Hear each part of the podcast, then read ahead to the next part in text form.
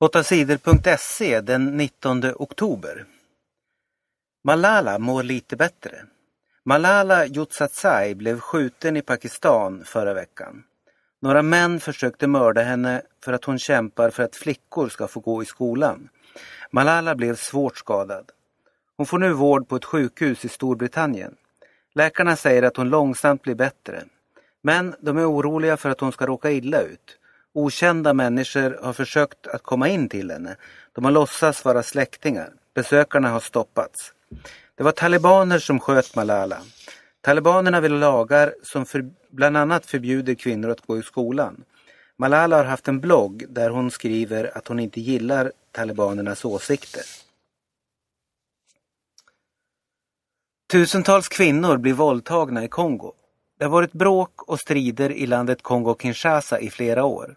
Människor som inte har med striden att göra råkar ändå illa ut. Tusentals kvinnor har blivit våldtagna och misshandlade på olika sätt. Soldater från olika grupper har våldtagit kvinnor. Förra året dömdes åtta soldater och deras ledare till fängelse i mellan 10 och 20 år. Men våldtäkterna har ändå fortsatt. I år har 5 000 kvinnor i området norra Kivu blivit våldtagna. Det säger de som arbetar på ett sjukhus i området. Margot Wallström arbetar för FN. Hon säger att soldaterna i Kongo-Kinshasa använder våldtäkt som vapen. Hon säger att våldtäkterna måste stoppas. Zlatan vann fint pris. Den svenska fotbollsstjärnan Zlatan Ibrahimovic fick ett fint pris på onsdagen. Han fick priset Golden Foot vid en gala i Monaco. Priset ges till fotbollsspelare som är över 29 år. Zlatan fick flest röster i en omröstning på internet. Xavi, Andrea Pirlo och Carles Puyol var några av de andra stjärnorna som var med i omröstningen. Golden Foot har delats ut sedan 2003. Francesco Totti, Ronaldinho och Ryan Giggs är några av dem som vunnit priset tidigare. Grekerna strejkade igen. På torsdagen var det strejk i Grekland. Bussar stod stilla och affärerna stängde. Sjukhus stängde och båtarna låg kvar i Atens hamn. De strejkande människorna samlades på gatorna för att demonstrera.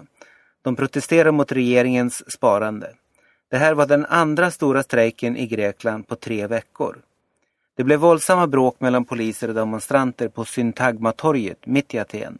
Demonstranter kastade brandbomber mot poliserna.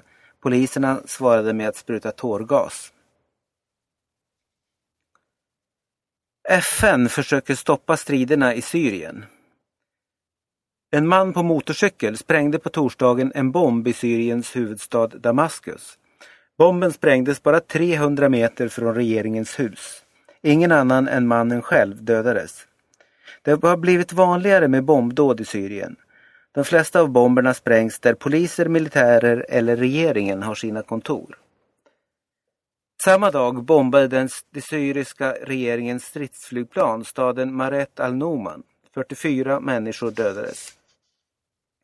Kriget mellan rebellerna i Fria Syriska armén och regeringens soldater har blivit allt värre.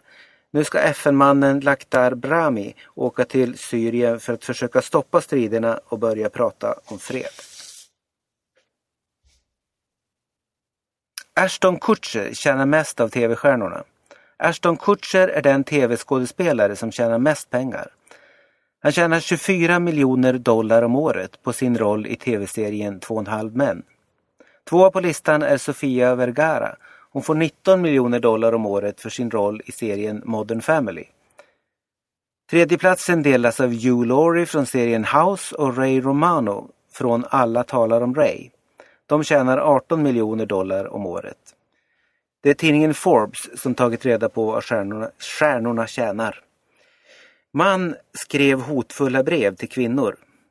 En socialdemokratisk valarbetare i Göteborg har skrivit otäcka brev till kvinnor. Mannen var mycket hotfull i breven. Han skrev att han skulle döda kvinnorna och stycka deras kroppar.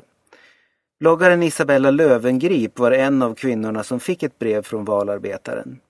Socialdemokraten skrev att breven kom från den moderate politikern Jonas Ransgård i Göteborg. Socialdemokraterna har erkänt att han skrivit breven. Han säger att han ångrar sig. Allt fler unga mår dåligt.